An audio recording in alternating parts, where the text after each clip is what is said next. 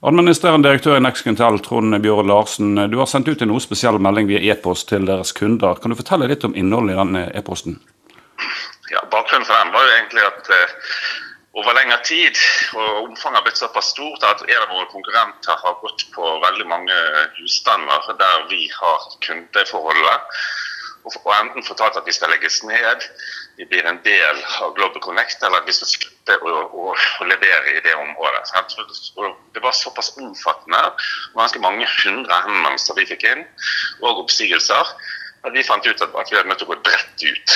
Jeg har også tatt kontakt med Global Connect, sendt en melding til deres ledere og bedt de stoppe den useriøse aktiviteten Eh, og så fikk jeg ikke noe svar på den, og da følte jeg at jeg måtte eskalere. Eh, og først når vi hadde sendt ut melding til våre kunder, og jeg hadde sendt en eskalerende melding til administrerende direktør i Global Connect om at vi vurderer å politianmelde dette svindel, da fikk vi respons. Ja, Hva gikk den responsen ut på? Da gikk responsen ut på at uh, dette var milevis fra den standarden de ønsket å ha på selgerne sine og at skulle, han skulle gripe fatt i det og gjøre noe med det umiddelbart. Og Det stoler jeg på, for jeg oppfatter han i Global Connect som en ganske eh, bra mann. Så jeg håper og forventer egentlig at, at det skjer noe nå. Men omfanget var så stort, og det var over så mange områder, at vi følte vi måtte ut og gi en, en bred melding til alle våre kunder i, Telenor, i det nettet som Telenor leverer, der vi har kunder. Jeg har snakket med leder for kommunikasjonsavdelingen, Marte Ruud Sandberg i Global Connect. Hun sier at uh, de ikke har fått oppgitt noen konkrete uh, eksempler. Og basert på det de vet, så har de liten grunn til å tro at dette er et omfattende problem. Hva tenker du om det? Det, det avviser på det groveste. Bakgrunnen for at jeg ikke har fått noen, eh, noen, noen konkrete henvendelser, er det har vært ferietid. Jeg var på ferie i utlandet. sånn at jeg har ikke fått grepet fatt i dette. Jeg satt i Thailand og måtte egentlig skrive denne meldingen via mobil. Men det, det, dette har vi fått så mange eksempler på. Så vi kommer til å lage en omfattende sak både til å levere til politiet, og vi kommer til å levere det til Nkom. Eh, og vi vurderer også eh, i samarbeid med flere kunder å melde fra til Forbrukertilsynet. For det vi har sett da, er at det, denne type salgsatferd det så vi tidligere i strømbransjen. Strømbransjen ryddet opp.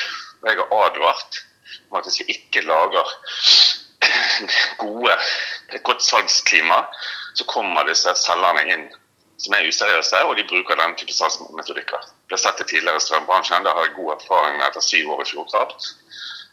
Eh, og Derfor ønsker jeg å ta opp i bransjen at vi har nødt til å lage et klima slik at vi får seriøse salgsmetoder.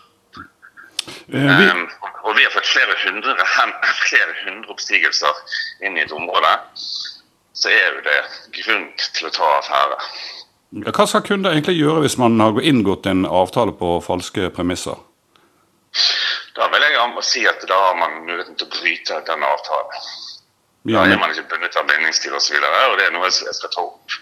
Og sikre at kunder som blir solgt på denne måten, de har grunnlag for å bryte det kundeforholdet og den eventuelle eh, bindingstiden de har inngått på den avtalen, hvis den er inngått på falske premisser. Eh, vi dekker jo fra Stord til Haugesund og også store deler av Hardanger. Har dere fått eh, tilbakemelding fra kunder i disse områdene? På stående fot kan jeg ikke egentlig svare om det er kunder i de områdene.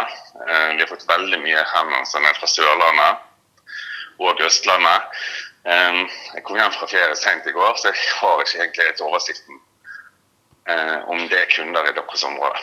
Mm. Så jeg har blitt rammet ut av det. Eh, hva skal man som kunde gjøres hvis man fremdeles opplever at eh, selger kommer med disse påstandene fremdeles?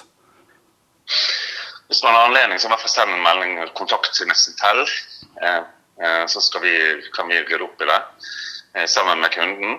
I tillegg vil jeg anbefale egentlig kunder å anmelde forholdet til Forbrukertilsynet i første omgang. Som da igjen kan, kan gripe fatt i den salgsavtalen og eventuelt pålegge selskapet bøter. Fordi Det er jo ingen tvil om at det å fortelle om at et annet selskap skal opphøre, at de ikke lenger skal eksistere, at de skal slutte å levere i området, det er jo direkte løgn. Mm. Du sier du har jobbet i strømbransjen tidligere, opplevde litt useriøse aktører der, og nå er det i, i telebransjen. Har dere tenkt å ha et møte sammen og kanskje diskutere det, disse forholdene? Ja, ja, jeg kommer til å ta et initiativ nå på sensommeren Jeg kommer til å ta, ta initiativ med Nkom og de sentrale aktørene, som, som i hvert fall de største aktørene, og se om vi kan opprette en, en ordning slik man har gjort i strømbransjen, der de har kalt det trygg strømhandel, der de prøver å få bukt med en del useriøse metoder. Det tror jeg vi er grunnlag for å gjøre i vår bransje òg. Og spesielt nå når monopolene skal åpnes opp de neste par årene. Ja, opplever du litt dette som litt cowboytilstander før ting er på plass? Ja, standard, og det er veldig unikt å tro at de ikke kommer. For disse her er selgerne som ikke lenger kan gå i strømbransjen. For strømbransjen har jo forbudt dørbank og stedsalg. De søker nå en trygg havn, og det er gjerne da i bredbåndsbransjen. Eh, og de er allerede på full fart inn der. Det viser disse eksemplene. Og jeg hadde ikke gått ut med dette hvis det ikke var omfattende. Så hadde det vært ett eller to eksempler, så hadde jeg ikke gått videre med det. Men det er flere hundre kunder som ser opp til området. Da, da er det grunnlag for å, å gjøre noe med det. Ja, for Du nevner jo hundre eller tusenvis av kunder, men eh, mens Global Connect mener dette ikke er et omfattende problem. Hva tenker du om det? Jeg tror, ikke, jeg tror at de ikke har kontroll over salgsselskapene sine. Eh, og at de ikke helt vet omfanget. Så det vil jeg blankt avvise. Jeg skal samle dokumentasjon, og sende over til Nkom, tenker jeg. Eh, det er den veien jeg vil gå. Da. Vil også koble på Forbrukertilsynet. Så vil vi basert på de vurderingene vi gjør de neste ukene, vurdere å politianmelde som svindler.